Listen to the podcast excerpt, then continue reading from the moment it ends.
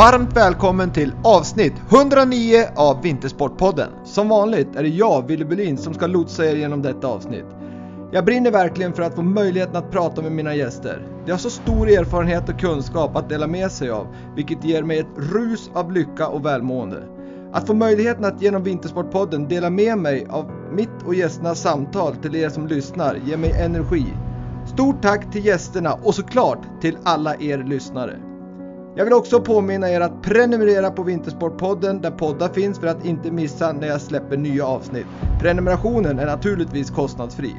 Jag vill också att ni följer Vintersportpodden på Instagram eller blir vän med Vintersportpodden på Facebook för att inte missa information om gästerna och vad jag håller på med. Detta avsnitt är i samarbete med Brooks som grundades 1914 och är skoföretaget som är helt fokuserade på löpning.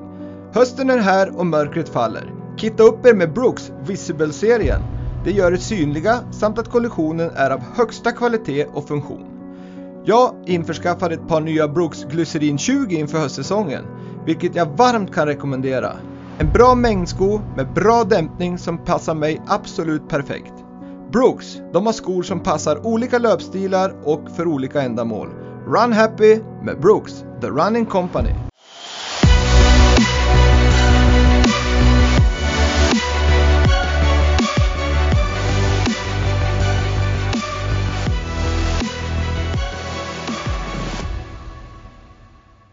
Dagens gäst i Vintersportpodden, värmländskan som har varit och med sin stora erfarenhet kommer vara en mycket viktig pusselbit i svenska skidskyttelandslagets fina framgångar och popularitet. Dagens gäst har bland annat varit del i två OS-medaljer och ett VM-medalj på hemmaplan och hon tillhör idag en av de absolut mest rutinerade åkarna i skidskyttevärldscupen. Varmt välkommen till Vintersportpodden Mona Brorsson. Tack så jättemycket, vilken fin presentation. Ja, men eh, med en sån härlig gäst så ska man ju naturligtvis ha fina och bra och värdiga presentationer för du är värd varenda ord i den här presentationen. ja, men det var, det var jättefint sagt. Hur, hur är läget med dig Mona? Jag vet ju att vi har ju kämpat lite grann för att få till den här intervjun för att du har ju legat lite i eh, sjukdom. ja, precis. Eh, jag har eh, just återhämtat mig från en ganska segdragen eh, förkylning. Så att, ja, men nu, nu är det på rätt håll. Det går åt rätt håll och jag hoppas kunna vara i full fart om inte allt för lång tid i alla fall. Hur känns det liksom? Jag tänker som uthållighetsidrottare och det knackar på premiären här. Det är åtta dagar till, till premiären i Idre. Och, och, snön har liksom, de har lagt ut tidig snö på många ställen i Sverige och, och där ligger du hemma och snörvlar. Hur känns det? Ja, nej, eh, det finns ju aldrig någon bra timing men den här kändes ju som extra dålig på något sätt. Nej, det är som eh, lite dubbelt. Den ena sidan försöker ju verkligen bara ta det dag för dag och och är inte särskilt stressad. Men sen så är det den andra sidan som är ganska frustrerad, som vill komma igång, som tänker på allt som man missar under den här perioden. Så det, det är verkligen dubbelt men jag försöker att vara klok och, ja, och vara liksom, ja, men, tacksam för den här extra vilan jag får nu då istället.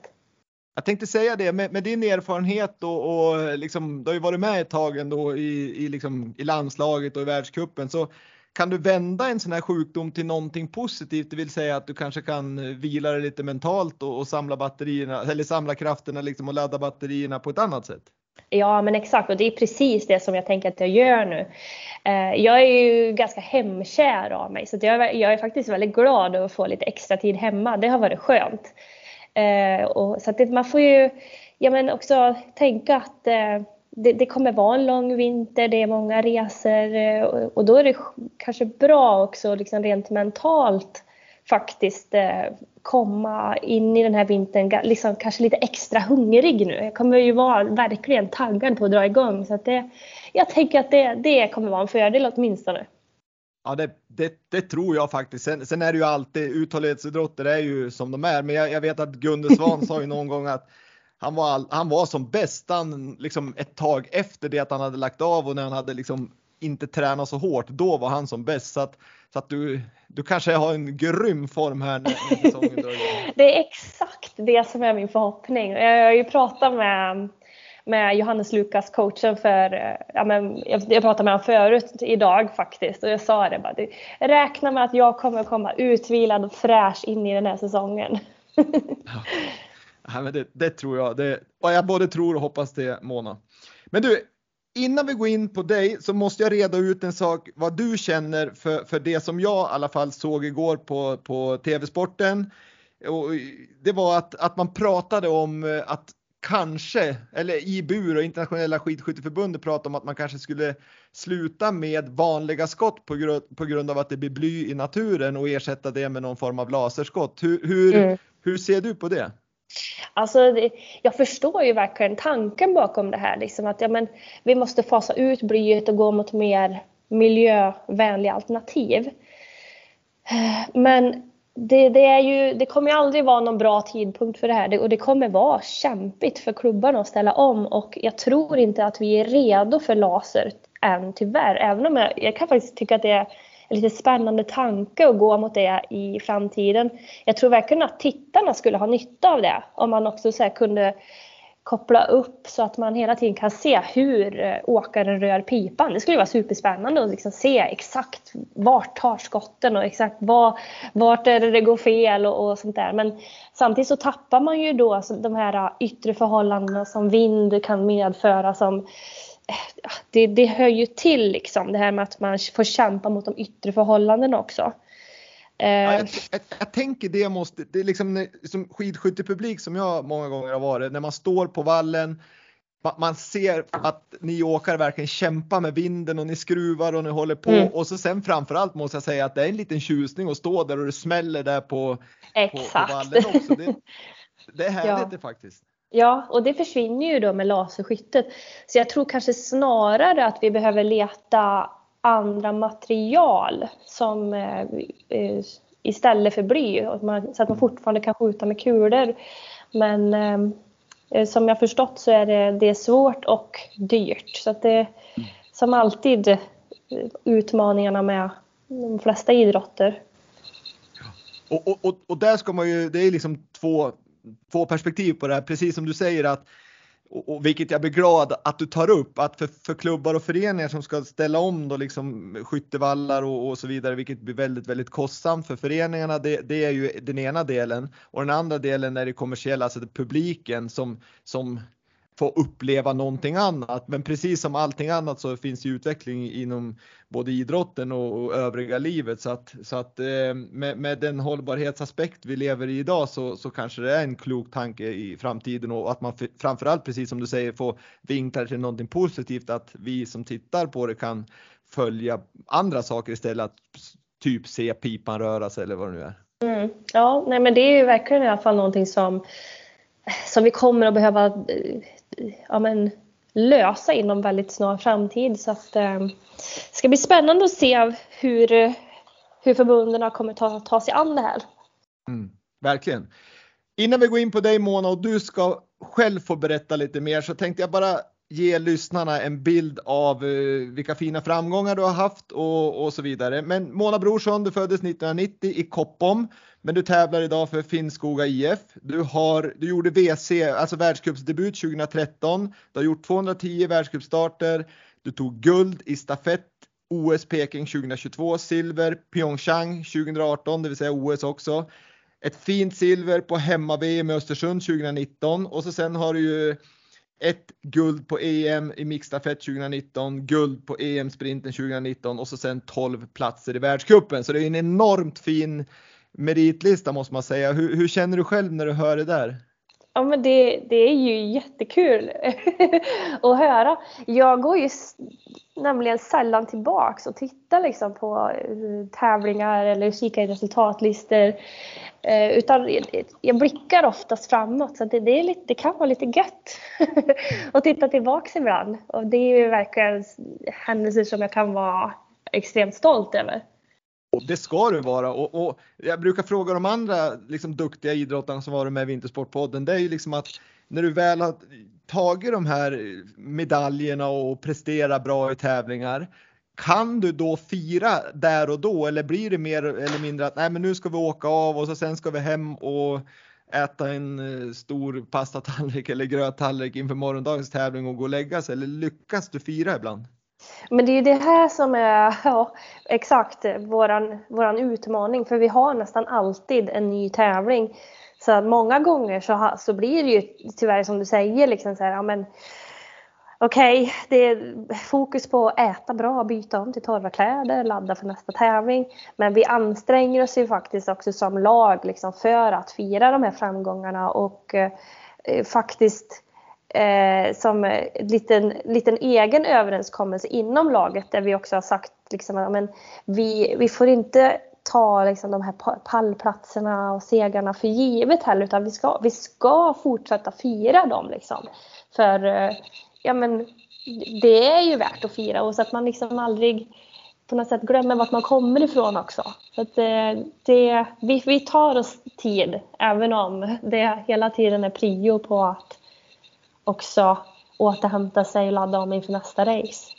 Ja, det är en balansgång det där, men jag tror också precis som du säger, det är viktigt att man firar för jag menar, ni kämpar ju så himla hårt många delar av året för just den där dagen eller den där veckan. Mm. Och, så, och det är klart som 17 att 51 veckors stenhård träning ska, måste man ju fira även om det blir två eller tre eller fyra pallplatser. Ja, ja men exakt. Jag menar, det, det är precis det, är det här vi håller på för. Så det, självklart så ska man ju fira när det går bra. Det är, det är ju det enda man vill på ett sätt. Så att det, det, det hör till liksom. Ja, verkligen. Det var det Mona. Nu har jag pratat väldigt, väldigt mycket inledningsvis här, men, men eh, kan vi, jag och lyssnarna få liten bakgrund vem Mona Brorsson är och då tänker jag lite mer på hur det var uppväxten med olika idrotter och vart du växte upp och hur du växte upp och varför det blev skidåkning och så vidare. Absolut. Eh, nej men jag kommer från ett eh, litet ställe som heter Koppom i västra Värmland. Eh, där eh, växte jag upp med min eh, mamma och pappa och det var framförallt min mamma och min mormor som hade det här skidintresset. Och på den tiden så hade vi väldigt bra vintrar.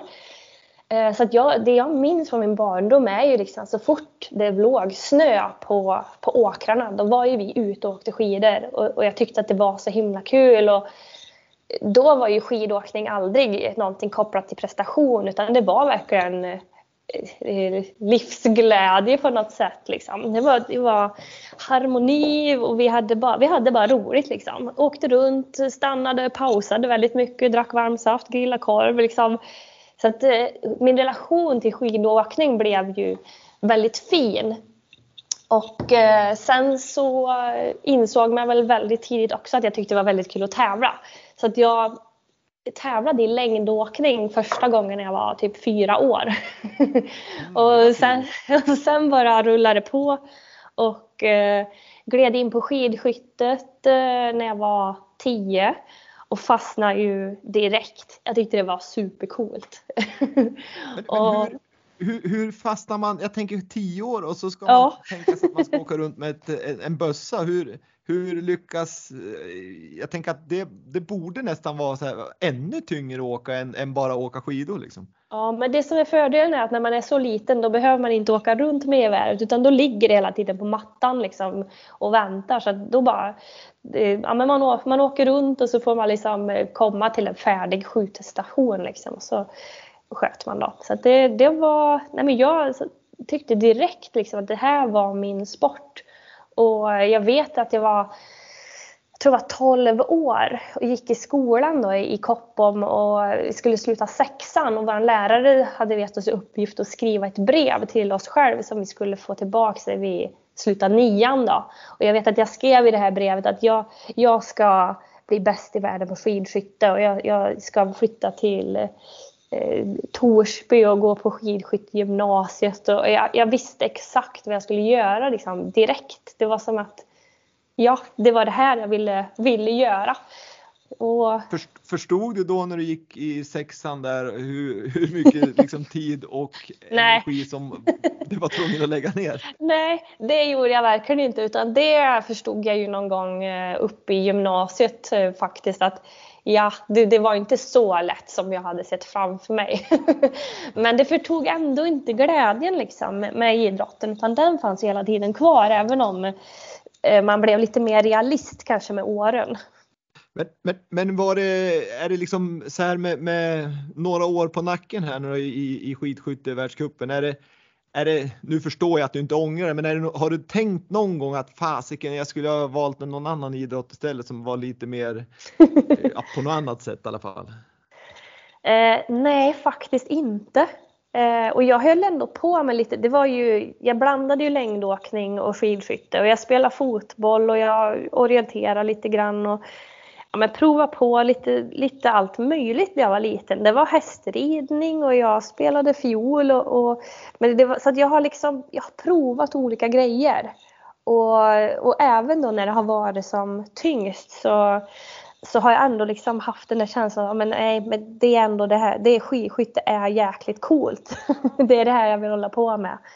Um. Men, men, men, du Mona, du egentligen så är väl Hanna Öberg vet jag också var en, en sån som egentligen började med skidskytte. Du började också med skidskytte kan man säga till skillnad mot för ja, Anna-Karin Olofsson som, som hon var ju längdåkerska från början. Magdalena Forsberg var också det. Björn Ferry var också det. Men du börjar ju lite grann liksom mm. egentligen tidigt med skidskyttet. Ser du någon skillnad där hur det är nu jämfört när du börjar på, på där du säger att vapnet ligger på mattan när, när du börjar? Är det, är det likadant nu och har man utvecklat det liksom rekryteringsbasen, har den blivit annorlunda nu jämfört med när du var ung? Nej, egentligen tror jag kanske inte. Eh, man ser, det är snarare kanske att den har förstärkts. För, för skidskyttet har ju växt så himla mycket de här sista åren. Det har ju verkligen blivit en, en, en boom i skidskytte i Sverige med många nya klubbar och många nya aktiva. Och många som då startar när de är ganska unga. Eh, det var ju kanske snarare mer ovanligt tänker jag när, när jag startade. Då, då då var vi inte så många och det, det, var en del längdåkare som bytte. Nu är det många som är skidskyttar ifrån början så det, det är ganska kul utveckling att se. Hur känns det att vara en del av, av den boomen att du, du liksom ändå har varit med och bidragit till det här otroliga intresset för skidskytte i Sverige? Men det är, det är jättekul och, och särskilt när man har gjort hela den här resan liksom, genom förbundet. Då, på, på, alltså det, från att vi inte hade någonting. Och vi, vi körde världscuperna men visste inte om vi skulle kunna skicka folk på alla race för att men vi hade liksom ingen ekonomi, vi hade jättefå ledare och, och det var ju liksom ingen, det var Fredrik Lindström som var vår stjärna liksom, men han bar ju hela laget själv och, och resten av oss liksom, ja vi försökte komma ikapp till att stå liksom på på OS några år senare och vara världens bästa lag. Liksom. Det, mm. Hela den resan har ju varit helt otrolig och vi försöker påminna oss själva ibland. Vi, vi, jag säger som sagt, det, jag tror det är viktigt att, att komma ihåg ens rötter och vart man kommer ifrån så att man inte blir högfärdig och, och ja, men liksom tappar, tappar fotfästet. Det, det är viktigt att komma ihåg det, ha, ha det med sig så att man liksom inte glömmer bort vad som är viktigt. Ja, verkligen, verkligen jätteviktigt. Och det, speciellt roligt är det ju att, att göra den resan som ni har gjort där du beskriver att ni, ni fick gräva djupt i kistan för att kanske överhuvudtaget kunna åka iväg på på ett EM eller eh, mm. världscup och, och, det var en, jag vet att Fredrik Lindström var den enda som fick liksom på något vis säga att han var med i någon form av världscupslag och hade ja. världscupstatus. Ni andra var inte någon landslag egentligen, det var en grupp på någon vänster. Ja precis, en träningsgrupp som sållades ut eftersom. Ja. Så det, det, var ju, ja, det, det är ofattbart nästan när man tänker tillbaks på det. Ja. Och från då att vara verkligen en lillebror eller lilla syster till längdskidåkning till att kanske min värld idag har man ju tagit steget förbi i popularitet. Om man tittar på liksom tv-tider och så vidare så, så har ju verkligen skidskyttet gjort ett enormt lyft om man tittar från svenska folket. Ja, nej men det, det är superspännande hela den resan liksom och, och, det är nästan svårt att förklara hur det har gått till men det är mycket lagarbete som ligger bakom tror jag. Alltså att vi verkligen har gjort det här tillsammans. Ja, verkligen. Det, det, måste man. Så är i alla fall bilden när man, när man ser er kampera ihop på, på läger och i media och så vidare så verkar det verkligen vara som, som ett, ett lag som jobbar tillsammans och inte mot varandra. Nej, och det, och det, det, är, det är inget fejk om man säger så. Alltså det är liksom inget påklistrat som vi har, vi har bestämt att nu vi ska ge bilden av. Alltså det, det är väldigt bra sammanhållning. Trots att vi såklart är, alltså det är klart att vi är olika som individer och att eh, liksom, man har egna mål. Men vi har en enorm ändå liksom respekt för varandra och, och vad, man, vad man har gått igenom. För alla har gjort samma resa, vi har gjort den tillsammans. Och det blir som en familj och i en familj kan du också ha meningsskiljaktigheter men du löser dem och jag tror det är det som är vår nyckel. Liksom att vi, vi jobbar igenom tuffa, tuffa saker också. Att det, det är inte bara en dans på rosor liksom, utan vi, vi tar, det är både högt och lågt och det, vi kommer igenom det starkare. Och det är ju ingen, ingen klyscha sådär utan man, man, behöver lite motgång och framförallt så måste man i ett lag tycker jag oavsett om det är på ett jobb eller i en idrottsförening så måste man ha li, lite olikheter för det är det någonstans som tar oss framåt också om Precis. man kan respektera varandras olik, olikheter. Ja, och sen inte tro att det kommer gratis utan det är någonting som vi aktivt har valt att jobba med. Liksom. Ja, men vi vill vara ett starkt lag och då, då får man ju lägga ner den eh, ansträngningen också. Så det, ja, men det är nog kanske en sak som jag är liksom mest stolt över med det här laget och det är hur vi, hur vi tar hand om varann. Liksom, både i med och motgång. Är det här någonting som ni pratar mycket om eller har det kommit naturligt eller har det varit liksom någon form av värdegrundsarbete där, där ni tillsammans har bestämt er för det här eller är ni just, just nu individer som tycker att det ska vara på det här viset? Eh, alltså både och. Eh, alltså när Wolfgang kom in, det var ju då 2015 tror jag. Eh, då, som sagt, då var vi ju inte så jättemycket att, att hänga i granen. Eh, men han visste ju att, eh, för han hade ju målet på OS 2018 och, jag kommer ihåg att han sa vid något tillfälle liksom, men är det någonstans vi har chansen så var ju det en stafett. Det var ju så han såg det. Eh, för vi hade liksom inte så många individuella Eh, framgångar utan var det någonstans vi kunde skrälla så var det liksom på en stafett för där kunde vi liksom alla höja oss och bli bättre. Så att inför OS, vårt första OS, då la vi då la vi liksom extra mycket kraft på just laget och jag tror det var att vi tryckte ofta på att men det här är ett lagsamarbete. Liksom. Det, det är så här vi kommer fram, det är så här vi tar hand om varandra. Och sen efter det så har vi kanske lite mer konkret varit att ja, men det här är ju vår styrka och det här ska vi jobba vidare med. Så att än idag så är det ju någonting som vi jobbar aktivt med. Liksom, eh, inför varje säsong så, så har vi liksom ett möte tillsammans och det är som mycket upprepningar men det är ändå saker som är bra att, att säga många gånger. Liksom. Vad har vi för interna typ spelregler och, och vad, vad har du för mål och, och, hur vill du bli behandlad inför en tävling? Men det kan också vara rent personliga saker. Liksom. Men hur mår du? Och hur, hur eh, vill du bli bemött? Och, och finns det andra saker som är viktiga att vi vet om? Så att eh, vi hela tiden också har eh, en omtanke om varann. Så det, och det jobbar vi absolut med medvetet men, men i olika perioder då, liksom, när, det, när det är viktigt. Och sen så blir det på något sätt lite självgående däremellan. Ja, men för jag tycker det, det, det gläder mig att höra just att ni jobbar med det för att många gör såna här så kallade värdegrundsarbeten och så sen har man gjort det och så lägger man det i byrålådan mm. och så sen tror man att det ska fungera. Men min mening är att ska sånt här funka så måste man jobba med det kontinuerligt, ja. regelbundet och liksom och känna på vad, vad, innebär det här för gruppen och så vidare. Ja men, men det är exakt så det är.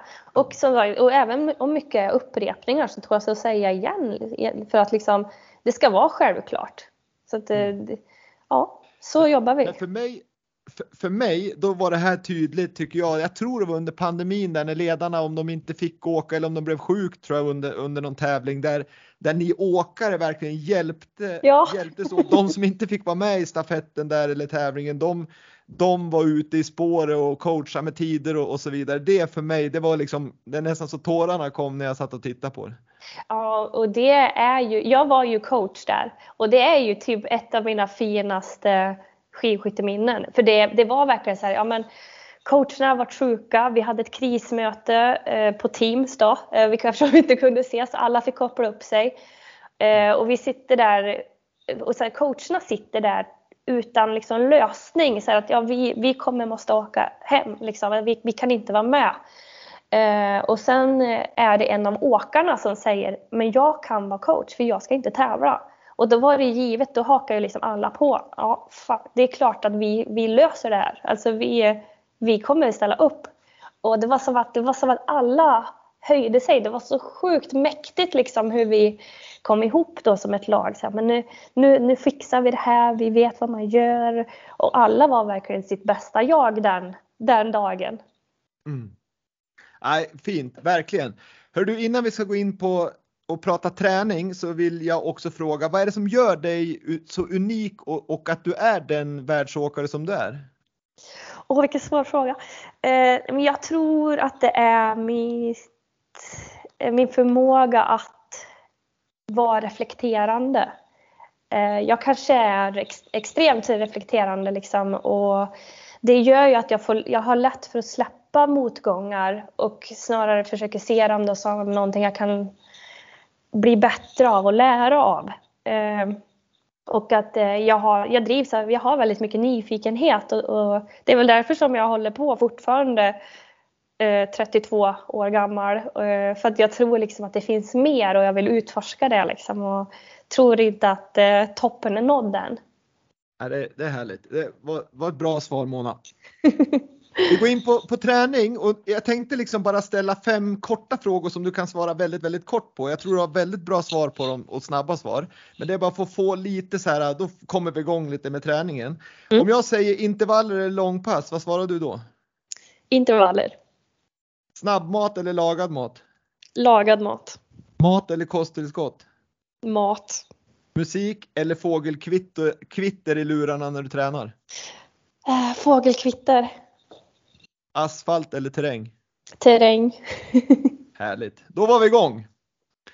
Hörru du, hur, hur ser du på, ni, ni uthållighetsidrottare och, och skidskyttar, ni, ni, tränar ju väldigt, väldigt många timmar, men hur, liksom, hur fördelar man träningen vad det gäller kvalitet och kvantitet? För det är en balansgång där, kör ni bara kvantitet, det vill säga mängd, då, då blir ni ju seg och, och mm. liksom, ni får inte den här kapaciteten i, i hjärta och, och lungor.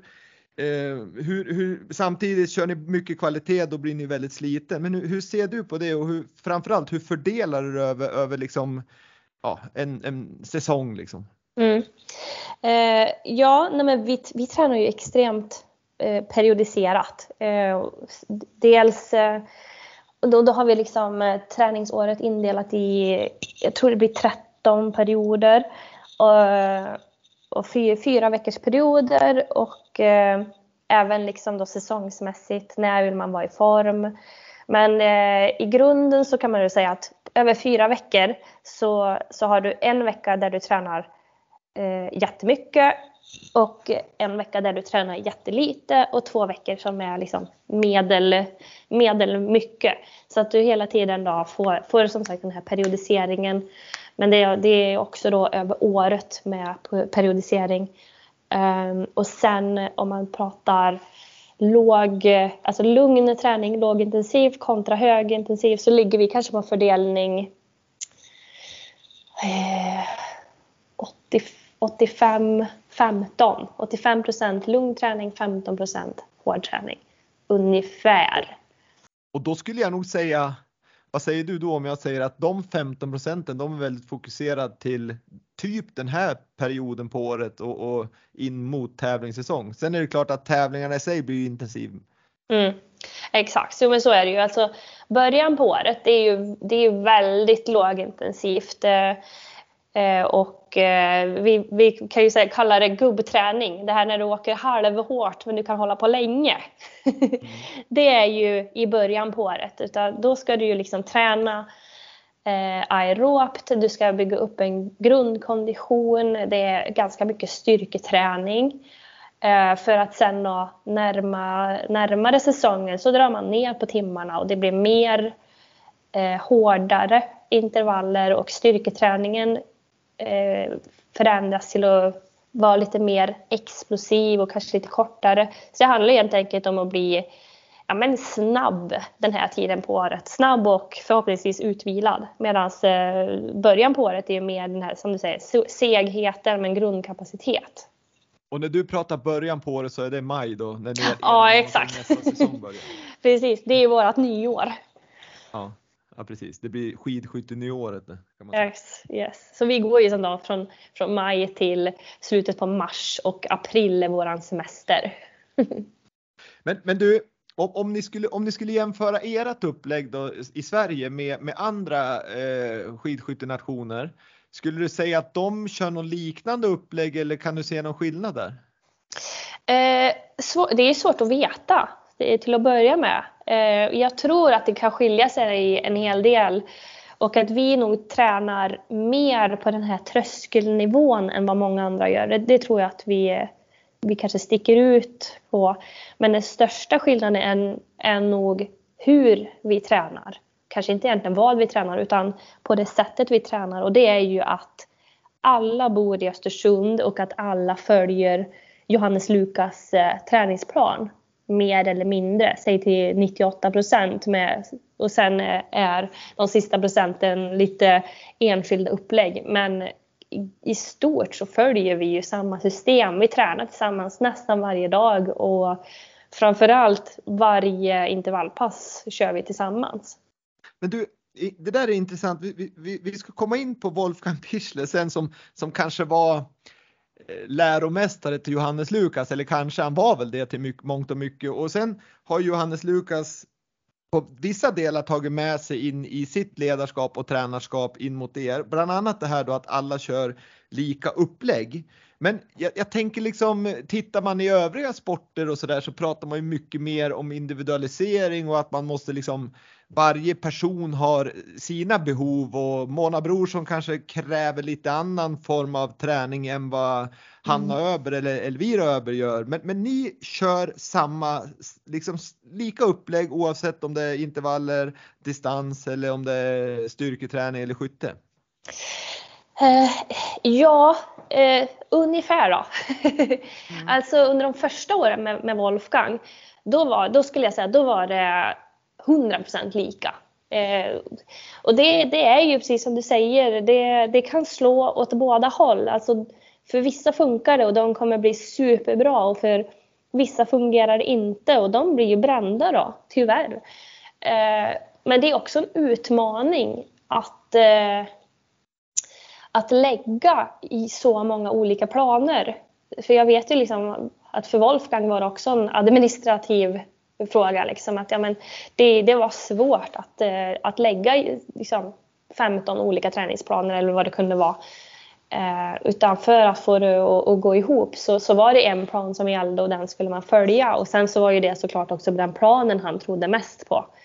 Eh, men där har ju Johannes, tycker jag, tagit det liksom ett steg till och, och eh, eh löst eh, lite individuella eh, upplägg också och framförallt styrketräningen har, har vi lite ja, olika upplägg och sen så även eh, framförallt in mot säsong att vi, vi har lite olika intervaller även om vi då kanske är mer uppdelade i grupper. Liksom att det är, du är aldrig helt själv om ett och samma upplägg utan att det är några som kör ett upplägg. Fast det, det skiljer sig aldrig särskilt mycket men det kan handla om någon enstaka intervall hit och dit eller någon minut hit och dit.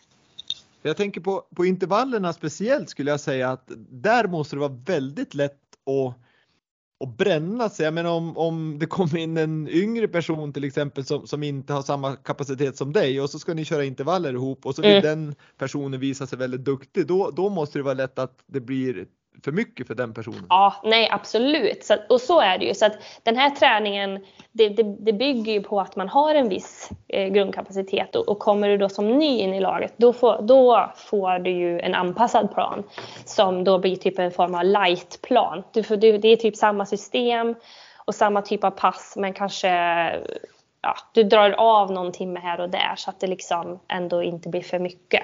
Så det, det, det, går ju inte att alla tränar exakt lika men, men, men så långt det går. Ja, ex, ja, exakt. Ja. Men, men, men för det här är lite intressant för jag, jag, jag, jag, har hört, du får säga om det här är rätt eller fel, men jag, jag har hört att Wolfgang Pichler sa till dig någon gång tidigt, hyfsat tidigt där, men, men han hade varit med er ett tag att, att Mona, du, du tål mycket träning. Men, men jag kräver att, också mycket träning. För att det kräver mycket träning också, stämmer det ut, liksom uttalandet? Jajamän, jag tål mycket träning men jag kräver också mycket träning för att bli bra. Det var, och det, det hade han rätt i då. Det ska jag säga. För det, det är saker som jag, det som jag har insett också med Johannes. Alltså Wolfgang gjorde enormt mycket för min utveckling. Det, det, det var verkligen det var, alltså hans träning fick mig verkligen att lyfta mig. Men man ska också komma va, ihåg att... Vad var det, det, som gjorde då? Vad hände då 2015 när han kom in? Vad var det som var skillnaden liksom om du jämför med tidigare år? Det största var ju bara att vi tränade extremt mycket mer. Alltså jag tror vi, vi tränade hårt. hårt och mycket och just det, det här eh, det som vi då kallar A2 och tröskel att vi, vi la väldigt mycket tid på att eh, bygga den här grundkonditionen.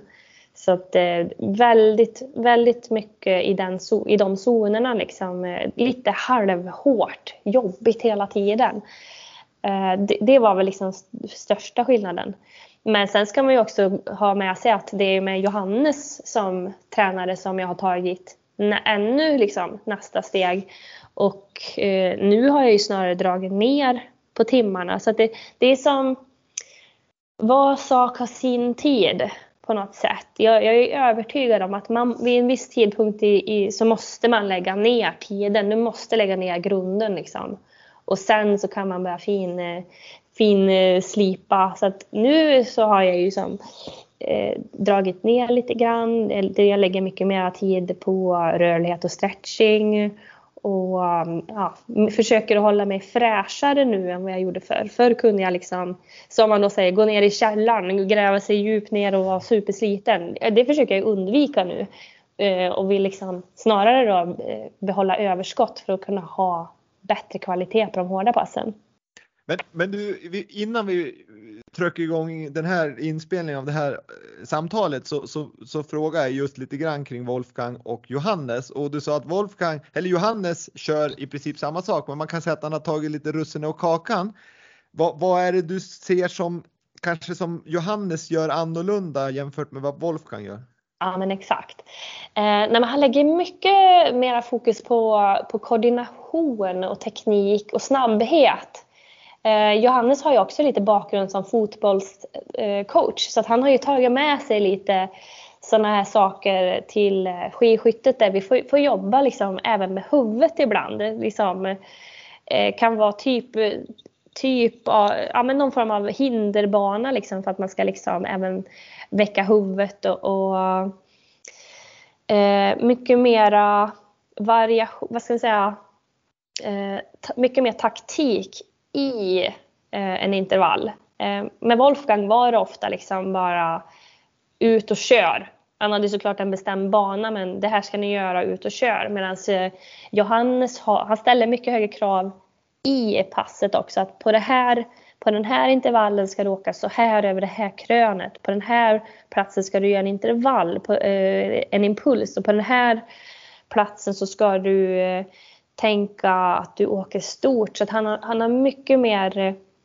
fokus, det, det blir ett mycket mer högre fokus i intervallerna. Så det är som att man höjer kvaliteten på varje pass. Ja, jag hade ju Wolfgang med i, i Vintersportpodden och han, han, han berättar just det där med att han är extremt förberedd inför alla träningspass. Liksom, det finns inte en pass han inte har liksom verkligen, verkligen lagt ner möda för att det ska bli 100% bra. Mm. Nej, och det märks. Eh, liksom, det, det lyfter ju hela, hela gruppen. Liksom, när man, ja, men det, för att det, det blir som att syftet blir så enormt tydligt.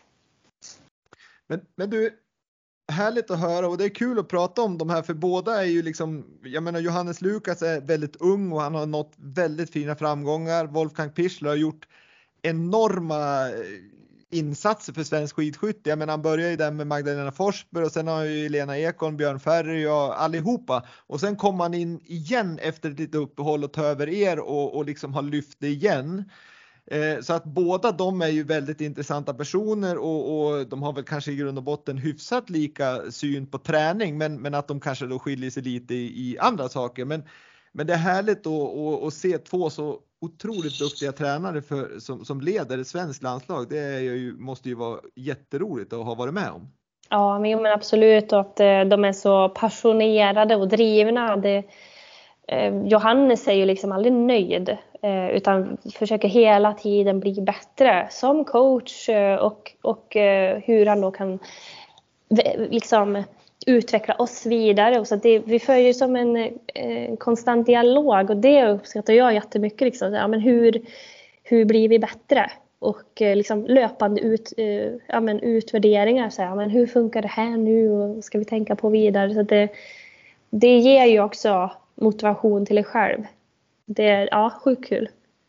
Ja, jag förstår verkligen det. Och sen, sen måste ju liksom Wolfgang Pichler när han kom in 2015, liksom, ni, ni som var med i laget då hade ju sett vad han hade gjort tidigare med, med alla storåkare och alla otroliga framgångar svensk skidskytte hade haft tidigare med, med allt ifrån Magdalena Forsberg och, och Björn Ferre som jag sagt tidigare.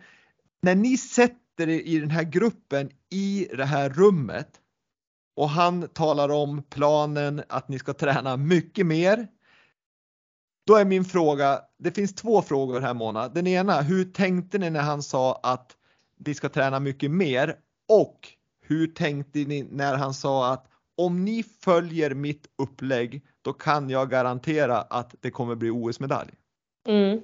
Äh, jag... hur, hur kände ni då? Satt ni där och tänkte vad, vad är det här för människa som kommer in här och tror sådana här saker eller kände ni bara shit, nu är det bara att bita i? Ja, nej, men jag minns ju hur det, här, hur det gick till det här första mötet. Liksom. Vi, vi satt eh, inne i ett ganska trångt eh, rum på det gamla skidskyttekansliet och eh, ja, var ju en stor grupp människor då som eh, skulle ingå i den här träningsgruppen. Eh, och han är ju väldigt respektingivande när han säger liksom ni, det, är, det är min plan som gäller och passar inte så är dörren där. Så man förstod ju också att här kommer man inte eh, och, och ha en massa egna idéer utan, eh, och det, utan det var väldigt strikt styrt och det, det gjorde han ju klart för sig. Liksom, att det, det, är, det jag säger är det, det som gäller. Men jag har också eh, goda belägg för att mitt eh, upplägg kommer att leda till OS-medaljer och då tänker man ju liksom Jaha, det är tre år kvar till nästa OS. Det, hur ska det gå till liksom? Med det här gänget. För då var vi var ju liksom ingen, inga. man så här, hur ska det här gå till? Men samtidigt så blev man ju extremt nyfiken och bara, ja men det är väl självklart alla satt ju kvar. Alla ville prova. Ja, fasiken vad motiverande och just när det, det var ju inte vem som helst som kom in heller utan det var ju verkligen någon som hade beprövade metoder så att säga. Så att, det måste ha varit extremt motiverande. Ja, ja men absolut och sen, sen var det ju tufft eh, att starta den här träningen men jag tror också var just för att vi var ett så stort gäng och vi, vi kom in i det tillsammans att vi hade hela tiden varann också liksom, ja nu är det jobbigt men nu kämpar vi på liksom. Jag förstår det, härligt, härligt. Och ni var ju ett bra gäng och det är många kvar i det där, den där träningsgruppen som idag ja. har varit med och tagit OS-guld och OS-silver och VM-silver och allt vad det nu är. Jo men exakt. Så det, vi har ju verkligen gjort den här resan tillsammans. Så det, och det är som sagt det, är det som går också tillbaks till hela den här lagkänslan är ju just att man har gjort det tillsammans och ja, men man vet hur jobbigt det har varit och man vet vad, vad de andra har gått igenom. Och, så det, ja, det, det knyter en samman liksom. Underbart, underbart. Men du, som jag sa tidigare så är det åtta dagar kvar till eh, premiären i Idre och då är det ju en svensk tävling egentligen men det är ju väldigt internationellt startfält med bland annat franska landslaget vet jag och det är tv-sänt och det är Vinterstudion kickar igång då och jag tror fransk tv ska sända det här eh, skidskyttetävlingen i Idre. Hur eh, är det någonting du har, eller ni då, eftersom ni kör hyfsat lika upplägg, men är det någonting ni har ändrat inför säsongen 2022-2023 eller trummar ni på i samma riktning som tidigare? Eh, nej men I stort ska jag nog ändå säga att vi, vi jobbar på. Vi har liksom hittat vad som funkar. Eh, och sen för min egen del så handlar det om eh, ett lite nytt spår som jag slog in på kanske redan i fjol eh, som, som handlar just om det här att, att vara lite mera fräsch nu än tidigare. Eh, jag, jag, brukar ju lite skämtsamt säga till Johannes att jag, nu, nu för tiden så går jag på pensionärsplanen. Då får man börja trappa ner igen. Träningen är klar. Så att eh, jag, jag, kan ju, jag kör ju mycket mera liksom rörlighet och yoga och det är inte bara för att det är kul, det är för att jag behöver det också. Eh, eh, men eh, och sen ja, men, gjort lite små förändringar. Till exempel för min del så har jag lagt mycket mer fokus på löpning eh, sista åren eh, och då bytt ut eh, cyklingen som jag egentligen kanske skulle ha gjort istället.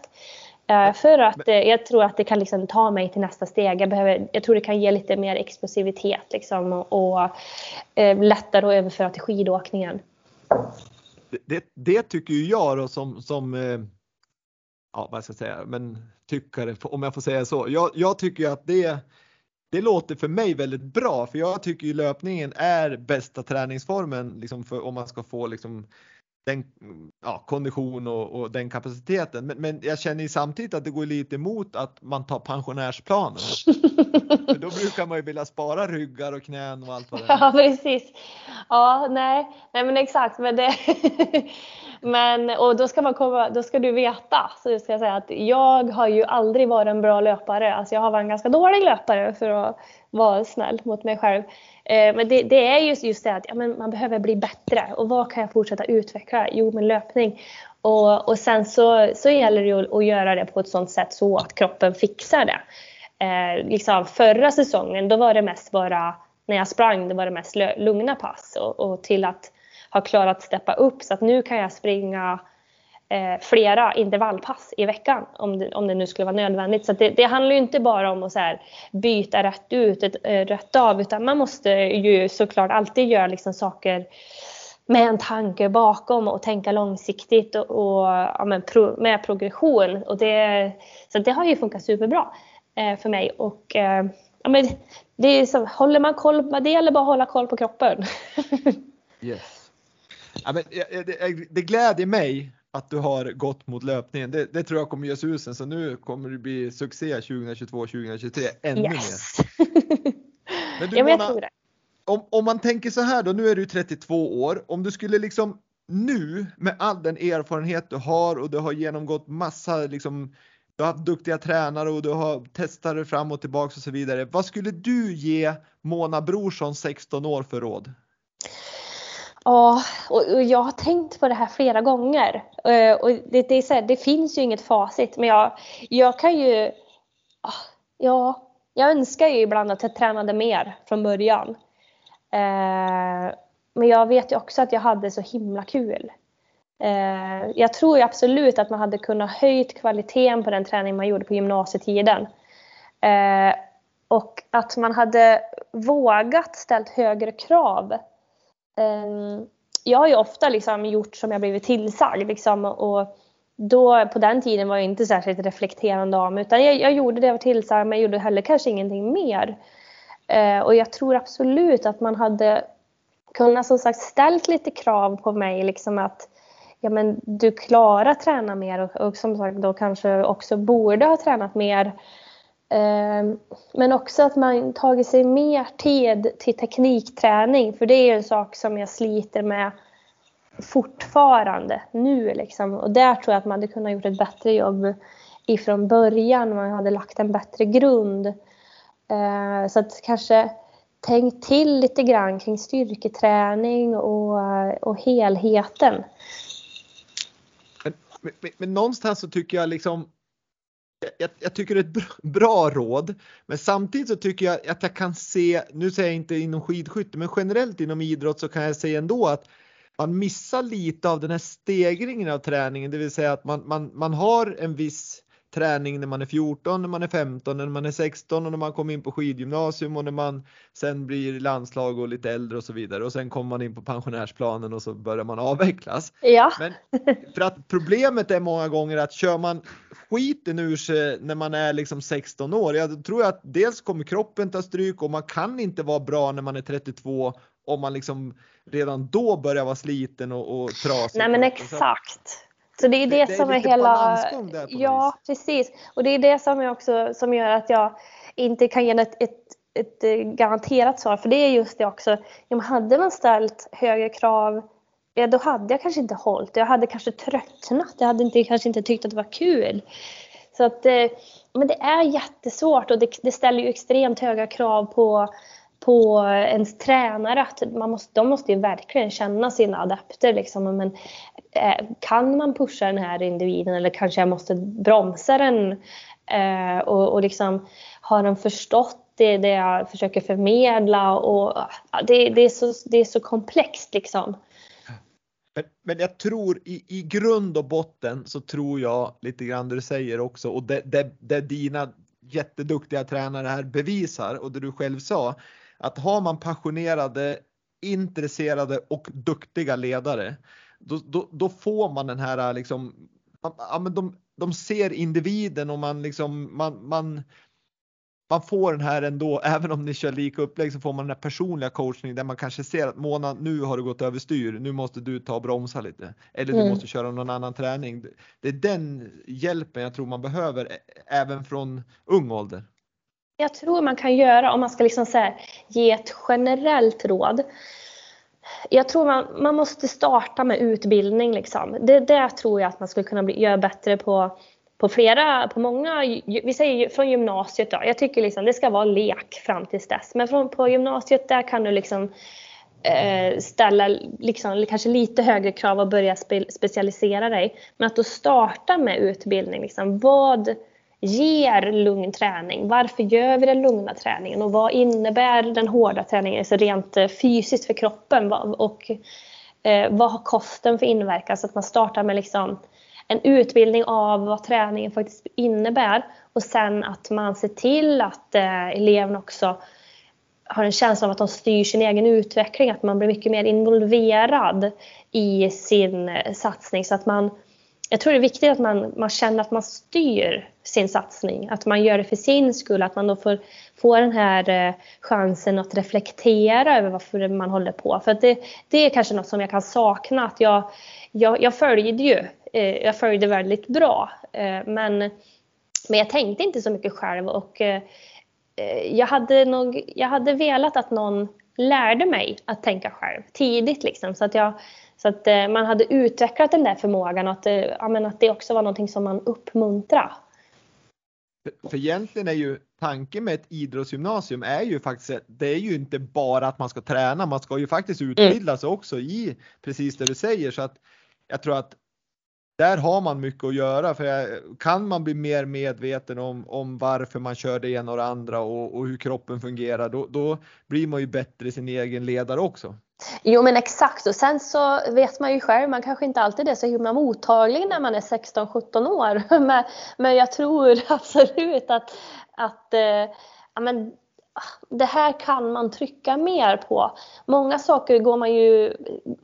alltså jag vet att vi har ju haft kostföreläsning och, det, och det, man går ju igenom allt det här. Men det går så snabbt. Och jag tror att det, det, här är någonting man behöver ha med sig kontinuerligt över alla åren. Liksom att det här är något man pratar om dagligen. Ja, verkligen.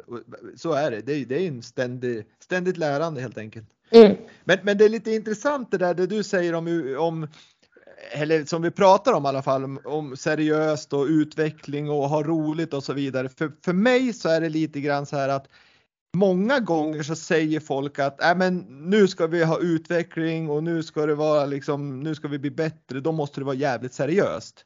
Men, men hur ser du på liksom, för mig så är det så här liksom att bara för att man ska utvecklas och bli duktigare så behöver det ju inte bli tråkigt utan det är snarare mm. tvärtom, precis som du säger att ert lag, ni har ju jättekul men ni utvecklas varje dag. Ja, och vi är också väldigt bra på att eh, ha ett av och ett på. Uh, jag, jag, tror det faktiskt är superviktigt att ja, men, veta vilka pass är det som är viktiga och vara var mega fokuserad då men sen också ha stunder där man liksom slappnar av, skrattar och, och även liksom kan tillåta sig ja, men, ja, men ta det lite lugnt. Alltså vi, vi är ju bara människor. Det, det, vi är verkligen inte något speciellt mot någon annan här liksom. och precis som alla så behöver man Eh, liksom en ventil, ventilera liksom och, och liksom, ja, slappna av. Och jag tror att vi, vi har, det är också någonting som vi har tränat eh, upp. Att eh, veta när det är viktigt, veta när man ska vara på, på så att man inte liksom är så himla på hela tiden. För då blir man utbränd. Och för mig är också det absolut viktigaste att jag har roligt. Alltså för mig är verkligen liksom varför jag håller på är för att jag tycker att skidskytte är det roligaste jag vet. För det, det är liksom, jag, jag brinner för det, det är min passion. Så att om jag inte tyckte att det var kul då skulle jag inte vilja fortsätta heller. Så det, för mig är det superviktigt att jag har den där balansen. Ja verkligen, jag, jag håller med dig. Annars blir, man, annars blir det ingen maraton, då blir det 100 meters lopp. Ja. Man orkar inte med. Mm. Men du, nu har vi pratat lite fysisk träning och, och jag tänker vi ska också prata lite om tankar. Mm. Um, för att för mig så är ju det den, den stora tjusningen med skidskytte. Det är ju just att man kör väldigt hårt fysiskt naturligtvis när man åker skidor, men sen har man den här äh, när man kommer in på vallen och ska skjuta och då är det ju många tankar som drar genom huvudet och många har fått knädar och pipan åker som en, liksom en visp runt om där. Men och jag tänker på dig här som, som ändå du har visat väldigt styrka på vallen och du har visat mindre styrka på vallen och då tänker jag lite grann på OS mixstafett 2018 där du gjorde verkligen en, ja men du, du, du failade rejält på mixstafetten men sen kommer du tillbaks tre dagar senare. Du står inför egentligen samma situation. Du har tre extra skott. Du har tre svarta prickar kvar och lyckas sätta dem och ni tar OS-silver. Och lite grann så, så då, då, kan man ju undra liksom, många trodde ju då att, att du var svinigt nervös. Men jag vet att du har sagt att det är inte nervositeten som är problemet utan det är snarare kanske att det är disträ och att tankarna flyger och flänger på, på vilken som sitter på läktaren och att det var kul att mamma var och tittade och, och så vidare. Ja, precis. Men, men hur, ja. hur, är det liksom, hur, hur, om du ska berätta nu så här, för, för mig och lyssnarna, vad, vad är det som går genom Monas huvud där när, när du står på OS och, och, och, har chans att ta medalj och så börjar tankarna springa iväg? Ja. Ja, eh, nej, och, jag, det, och det är som jag säger, eh, som jag har sagt, liksom att det, det är inte nervositet som är grundproblemet. Och jag kommer ihåg eh, den där mixstafetten 2018. Liksom att, eh, och det är, det är tvådelat. För en del är ju också teknisk. Att eh, ståskyttet är min svaga sida lite grann. Och det blir, blir ju extra tydligt när det är lite blåsigt och det var ganska blåsigt där borta. Eh, så att dels liksom rent tekniskt så, så, så, är jag kanske inte den bästa ståskytten. Eh, men också i det läget, eh, när man hamnar där så är det som att eh, Ja, som att ja, tankarna liksom springer iväg. Eh, och det är, det, de är, det är som att man försöker fokusera men, men, eh, men, det hopp, men tankarna hoppar lite grann fram och tillbaka. sen just just den tävlingen var liksom så här bara, men jag kämpade och kämpade men det, det gick inte ner. Eh, och man hinner, man hinner tänka liksom att, oh, vad fan, ja, det var inga vackra ord liksom att nu, nu förstör man jag ju det här. Det, och det är skittråkigt för att ingen vill ju vara den som är den där som inte kan köra stafett liksom. Att aha, det, är den här, det där är den personen som alltid kommer förstöra en stafett. Eh, och jag, jag, tyckte att det var så himla jobbigt liksom att eh, om jag skulle få den stämpeln. Eh, men sen vart jag ju bemött på ett himla fint sätt efter den där eh, stafetten. Jag, jag kommer ihåg att jag var, jag var, så, jag var så ledsen och jag, och jag grät. Eh, jag åkte skidor liksom eh, i min ensamhet liksom. Men, men sen kommer hela laget och bara, vi, det, det, är, alltså, det är ingen som bryr sig. Alla vet att du gjorde ditt bästa och, och fick enormt mycket stöd. Och det, det gör ändå att man liksom, man skakar av det på något sätt. Eh, men, men den känslan var ändå ganska, för sen hände ju eh, för sen var det ju då damstafett några dagar senare och man hamnade i samma sits igen och jag kommer ihåg att jag ska plocka sista reservskottet och liksom bara ja men det här är inte samma, det här är inte samma händelse, det här är en ny tävling, det är nya skott, det är nya förutsättningar. Eh, och det var bara så himla gött att sätta det för det var som att ja, men nu fick jag revansch. Som att ja, men det var bra att komma upp i sadeln direkt liksom. Och det, och det måste ju ha varit en grym eh, känsla att, att liksom bara några dagar senare vara i samma situation och så kniper ni ett OS-silver som ändå då var väldigt Alltså ja. det var ju inte väntat OS-silver 2018. Eller? Nej, nej, nej, nej, det var, det var sjukt eh, häftigt liksom. Eh, fint att få, alltså det, ja, det, var, det var så coolt liksom att det var ju som våran, det var vändningen för oss på något sätt. Så Sen tänker var... jag 2019 där på hemma när du kör individuellt och har också en väldigt stor och fin ledning och kommer in på sista skyttet, då har du ju verkligen vänner och familj och hela svenska folket på plats i Östersund tänkte jag säga, men stora delar av svenska folket. Det var jättefin publik och det tjoas och kimmas och du egentligen skulle kanske kunna bomma två och ändå tagit medalj i alla fall. Ja, och den var ju, den var ju lite mer extrem. Alltså OS-bommarna, det var egentligen inte så mycket eh, tankefel utan det var kanske mest en teknisk Eh, alltså en teknisk eh, felhantering. Alltså jag tryckte inte av när det var svart helt enkelt. Eh, det var ju det var desto tydligare under VM att det var tankarna som flög iväg.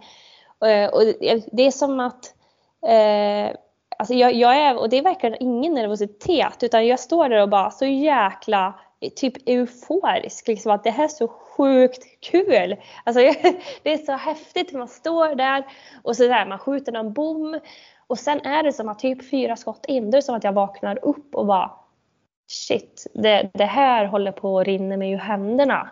Och det är som att pipan går runt, runt, runt, runt, runt och det är så här, det, det blir bara en träff.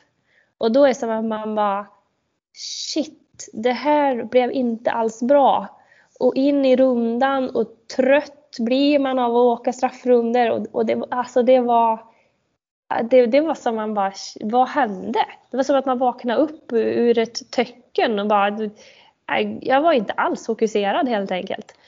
Eh, väldigt lika, märkligt. Ja, jag förstår det och lika där så går du in och tar revansch och så tar ni ju silver där på i, i stafetten där också. Eh, på hem, på hemma-VM, vilket också var liksom väldigt, väldigt stort eftersom hemma-VM har ju press och då mm. börjar ni ju ändå vara ett lag som man kanske börjar förvänta sig att ni skulle ta medalj.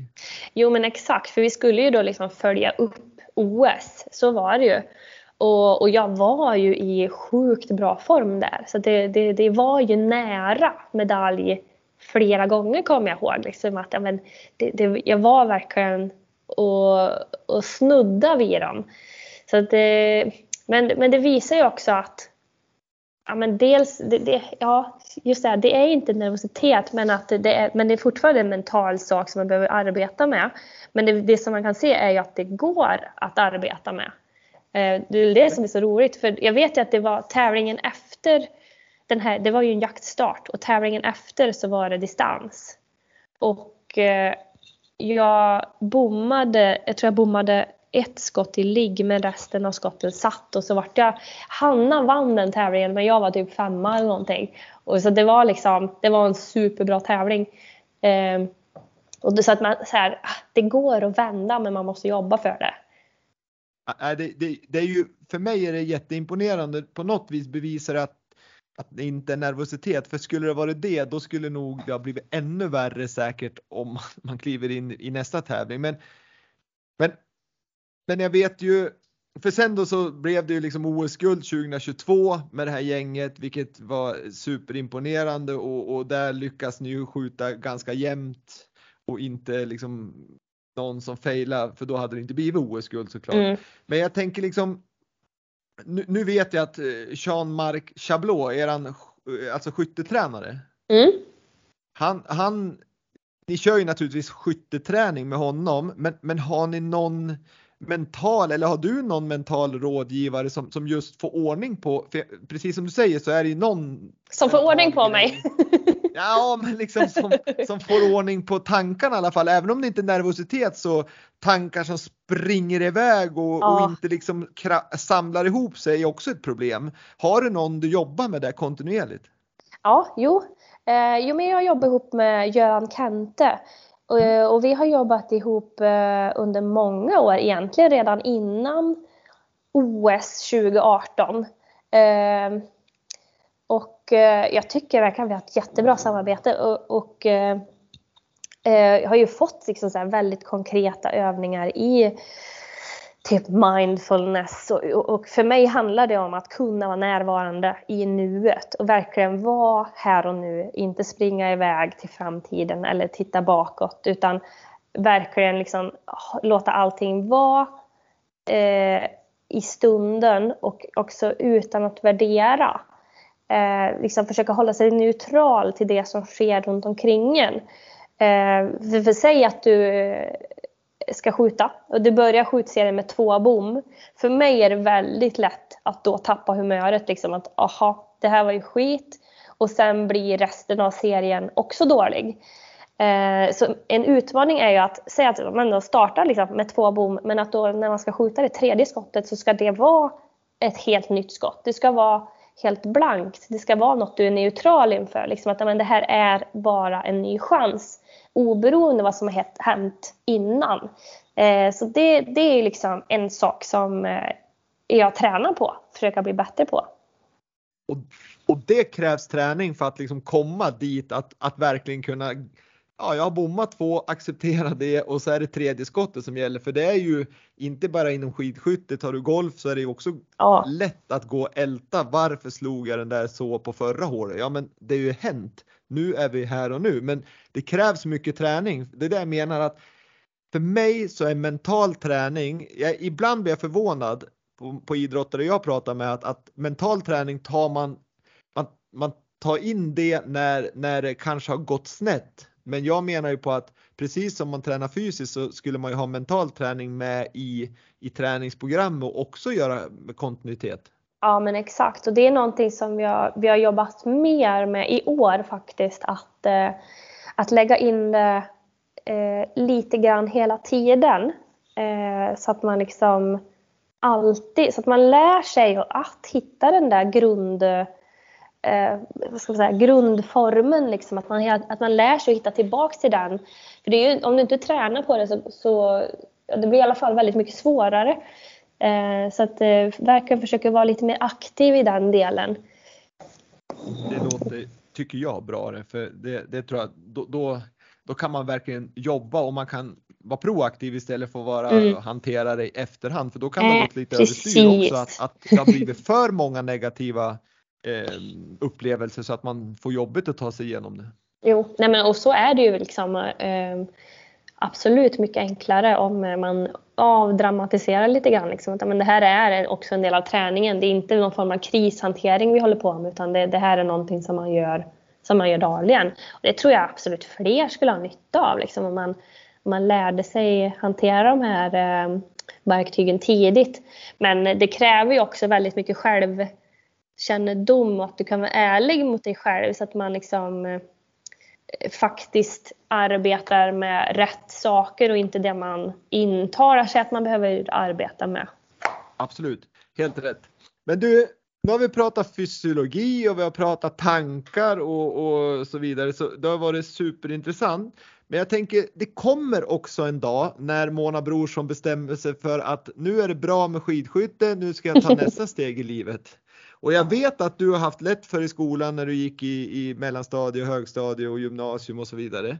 Men, men hur Finns det någon tanke på vad du ska göra efter? För att många idrottare får ju lite stökigt i, i, i det mentala när, man, när liksom lamporna släcks på, från, från karriären och så sitter man där och så är det inga som ringer längre utan är det någonting du tänker på? Vad, vad, ska jag göra när karriären är slut? Planerar du för eh, dina samarbetspartner nu? Tänker du att du kan liksom få någon form av liksom att du kan börja jobba där eller hur, hur går dina tankar där? Ja, nej men alltså det är saker som jag har börjat tänkt på. Eh, men jag, är ju, jag har svårt för att bestämma mig. Så att det, jag lämnar allting öppet.